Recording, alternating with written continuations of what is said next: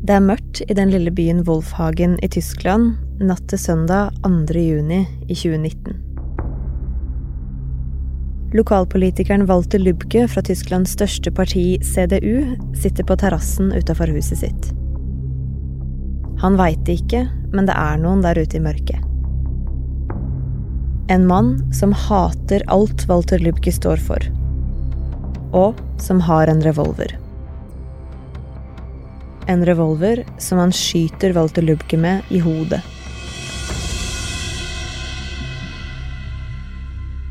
Den største trusselen mot Tyskland er nettopp høyreekstremisme, ifølge myndighetene. Og nå mistenker sikkerhetspolitiet landets største opposisjonsparti for å være ekstremister og grunnlovsfiendtlige. Du hører på Forklart fra Aftenposten. Jeg heter Anne Lindholm, og i dag er det mandag 8. mars.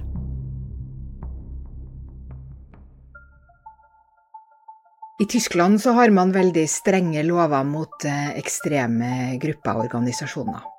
Ingrid Brekke, du er utenriksjournalist i Aftenposten. og Hvordan ser man at de er så strenge? Hvordan ser man det i Tyskland? Og dette er jo først og fremst forankra i den tyske grunnloven. Den ble vedtatt eh, like etter andre verdenskrig, og et hovedmål for loven var jo å hindre at noe lignende skulle skje igjen. Altså at demokratiet skulle overtas av en eh, diktator, sånn som skjedde under nazitida. Eh, I Grunnloven er det også en egen paragraf som skal beskytte menneskeverdet, som er kalt evighetsklausulen. Den kan nemlig ikke endres. Og Tyskland har da en egen sikkerhetstjeneste som heter Verfassungsschutz, som har til oppgave å beskytte eh, Grunnloven. Og disse strenge lovene da, mot uh, høyreekstreme nazister og, og, andre radikale eh, gruppene, de er, handler om eh, at de er en trussel mot Grunnloven, mot menneskeverd og demokrati. Og så har de et større problem med høyreekstreme grupper enn en Norge har. Og flere av de voldelige organisasjonene er også forbudt. Men det skal veldig mye til for å forby et politisk parti. For partier kan ikke bare forbys sånn uten videre. Først så må de overvåkes en stund, og det må finnes bevis for at de er grunnlovsfiendtlige. Og nå så vil det tyske sikkerhetspolitiet altså overvåke partiet Alternative for Deutschland, AFD, for å se om det finnes bevis for at de nettopp er ekstremister. Sikkerhetspolitiet har allerede overvåka ungdomsorganisasjonen en stund, i tillegg til et nettverk i partiet som bare blir kalt Fløyen. Altså Både dette nettverket Fløyen og Ungdomspartiet de er jo nå kategorisert som høyreekstreme. Altså Det var resultatet av at de ble overvåka, er at de er nå definert som det. Eh, og AFD selv har jo svart med å, å, legge ned dette partiinterne nettverket, men folkene er jo fortsatt i partiet. Og en fra sikkerhetspolitiet syns jeg sa det veldig bra, nemlig at eh, denne høyreekstreme fløyen den var som en sånn brusetablett. Og akkurat som når du slipper en brusetablett i et glass med vann, og det bobler rundt i hele glasset, så mener sikkerhetspolitiet at den høyreekstreme brusetabletten nå har løst seg opp i resten av partiet.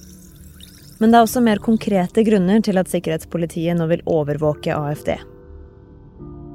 Én ting er at de uh, ufarliggjør uh, nazitida og relativerer krigshistorien. Altså det handler om hvordan de snakker.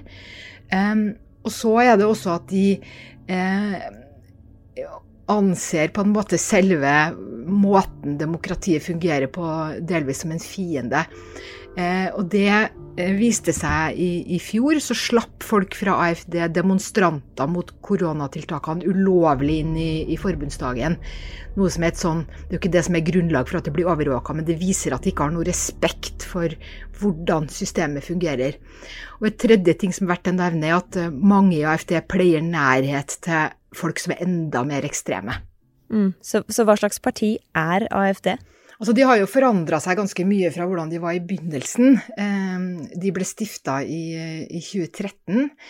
De fleste da var akademikere med eh, økonomisk bakgrunn. Altså, de ble kalt eh, Professorpartiet. Og dette var jo under eurokrisen, og de var veldig opptatt av uh, at Tyskland ikke skulle uh, bruke for mye penger i Hellas, f.eks. Og de, mange ønska også at man skulle slutte med euroen og gå tilbake til tyske mark. Men så har jo uh, det som står på den politiske dagsordenen har jo forandra seg, og partiet har blitt splitta flere ganger, eller i hvert fall to ganger, og hver gang har de mest ekstreme vunnet frem. Så for hver splittelse så har de som har blitt igjen og beholdt AFD-navnet, blitt mer nasjonalistiske. Og i 2015 da ble de ordentlig populære. De har reist fra alt de eier og har. De bærer barna på den lange ferden mot Europa. Flyktningstrømmen har gått fra Lesbos og Hellas gjennom Europa til landet de helst vil til, nemlig Tyskland. Jeg sier ganske enkelt Deutschland er et sterkt Land. Wir haben so vieles geschafft, wir schaffen das. Altså, Alternativ eh, für Deutschland hadde ikke gjort det sånn veldig, veldig bra. De kom jo ikke inn i forbundsdagen engang første gang de prøvde. Det er sperregrense på 5% Men så kom jo flyktningkrisen, og da vokste partiet eh, veldig. Etter det har de på en måte vært nesten et slags sånn ensaksparti. Altså, de er nesten bare opptatt av innvandring eh, og islam. Det ene toget etter det andre inn til tyske byer i ettermiddag. Det er klart det at det at Tyskland tok imot så mange eh, på en gang, og at mange begynte å føle at de ble litt sånn overvelda av hele situasjonen og ikke skjønte hvor de skulle ende, ga også AFD ganske mye eh, i. Og så kom de jo da inn i, i forbundsdagen med eh, 12,6 eh, i, eh, i forrige valg, i 2017.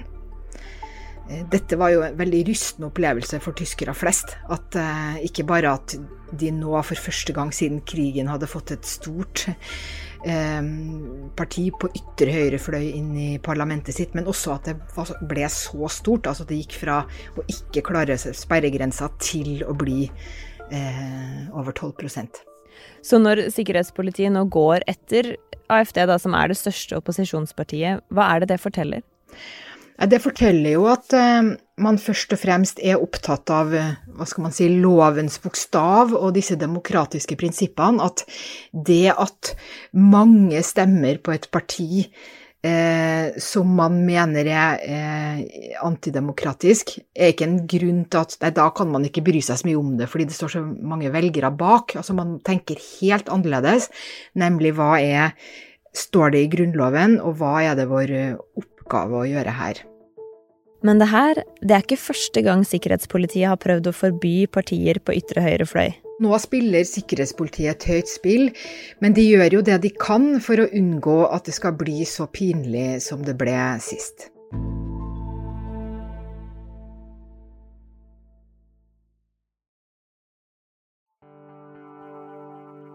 Tidlig på 2000-tallet i Tyskland så fins det et parti som sikkerhetspolitiet har hatt i kikkerten en stund. Nationaldemokratische Partei Deutschlands, eller NPD. Det er jo et parti som har røtter eh, tilbake til de gamle nazistene. Om ikke sånn rent organisatorisk, så i hvert fall veldig i ånden. Eh, de var på sitt høyeste nivå eh, etter krigen sånn i rundt 1969, men de ble aldri store nok til å sitte i, i, forbundsdagen. Men de satt i noen delstatsparlamenter. Og dette er mer et sånn klassisk eh, nynazistisk parti. Og de ble Da prøvde altså uh, sikkerhetspolitiet å forby dem uh, tidlig på 2000-tallet. Mm. Åssen gikk det? Nei, du, det gikk ikke så veldig bra. Eh, det som skjedde, var at eh, også denne saken havna jo etter hvert i eh, rettssystemet. Og da tapte sikkerhetspolitiet i alle instanser. Og grunnen til det, det var rett og slett at de hadde infiltrert partiet. Informanter og hemmelige agenter og sånne ting.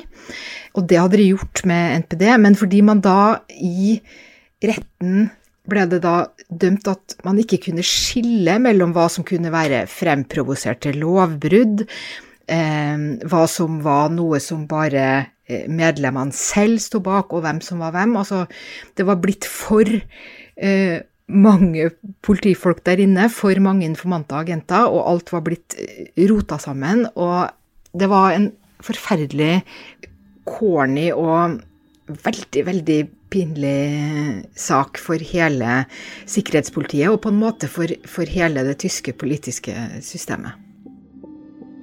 Men sikkerhetspolitiet de prøvde igjen. Og etter flere saker så gikk de på enda et nederlag i 2017. Denne gangen så tapte de fordi at partiet var blitt så lite og betydningsløst. Altså, det var et grunnlovsfiendtlig parti, men de utgjorde ingen reell trussel lenger. Så dermed tapte de også den saken, og partiet ble ikke forbudt. Så sikkerhetspolitiet de har en del å forsvare. For sjøl om AFD ikke har røtter i gamle nazistiske bevegelser som NPD, så har sikkerhetspolitiet en vanskelig balansegang foran seg. Altså, det står så mye på spill for dem, og mange, mange, både innafor og utafor, er bekymra for at de skal tabbe seg ut også denne gangen. De gjør sikkert ikke samme feilen som sist, men det er lett å bli, ikke bli tatt på alvor hvis det virker som om man prøver å føre en slags sånne nesten kampanjer uten at det er eh, grunnlagt ordentlig i eh, juss og i loven selv og i solid eh, politiarbeid. Og så har AFD allerede gått til retten, som f.eks. gjør at selv om politiet sier at de skal overvåke AFD fra nå, så er det unntak fra overvåkninga er alle som sitter i eh, parlamentet, i delstatsparlamentet, i Europaparlamentet, og alle som stiller til valg i år. Så allerede her har sikkerhetspolitiet en utfordring. For nå er spørsmålet hvem det da er som skal overvåkes, når de mest ekstreme allerede er valgt inn i parlamentene. Så hvilke konsekvenser kan saken få, da? Altså Først og fremst eh, så er jo dette et politisk spørsmål. Eh, og det er jo også en del av kritikken eh, mot sikkerhetspolitiet. At kan de redde demokratiet ved hjelp av overvåkning og politiarbeid? Må ikke det skje i politikken selv? Og så kan man diskutere om AFD tjener de på dette? Og så kan de gjøre seg til martyrer og si at eh, de blir forfulgt av politiske årsaker. Eh, at alle er ute etter å ta dem, og at det skjer uten juridisk grunnlag. Eh, eller vil, vil det bli sånn at flere kanskje avskrekkes fra å stemme på dem eller melde seg inn fordi man tenker at hvis man begynner å bevege seg i de kretsene, så havner man jo selv i sikkerhetspolitiets søkelys, og hvem vil nå vel egentlig det? Og det er klart at når det er valgår i år, og det er bare et par uker til de første delstatsvalgene, det er seks delstatsvalg, og det er også forbundsdagsvalg til høsten, så er jo dette et eh, veldig, veldig hett tema som kommer til å prege all debatt i hele dette året, vil jeg tro. Des Verfassungsschutzes ist es offensichtlich kurzfristig, uns bis zu den Wahlen zu schwächen. Og AFD sjøl, de er forbanna. Og de kjemper hardt i retten for at den 1000 sider lange rapporten med sikkerhetspolitiet sin begrunnelse for mistanken ikke skal bli offentlig. For AFD mener at de blir politisk forfulgt, og at det kortsiktige målet er å skade dem før valget. Og langfristig mens de mener at målet på lang sikt er å fjerne det eneste opposisjonspartiet i forbundsdagen som er mot det de kaller ubegrensa innvandring fra fremmede kulturer og en oppløsning av nasjonalstaten. Altså, de mener jo at han som nå er sjefen for sikkerhetspolitiet, er på en måte venstresidas mann og at alle partier, andre partier er ute etter å ta dem fordi de er redde for at AFD skal få for mange velgere. Så det er jo, det er jo AFDs eh, måte å svare på. Mens eh, sikkerhetspolitiet eller andre partier i Tyskland vil jo si at det er ikke en politisk forfølgelse, det er en eh, en forfølgelse som skyldes at de truer demokratiet og det vi har aller mest kjært.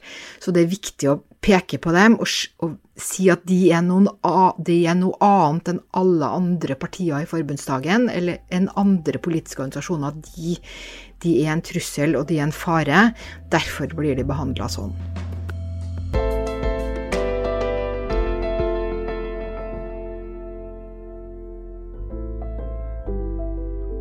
Denne episoden er lagd av produsent David Vekoni og meg, Anne Lindholm.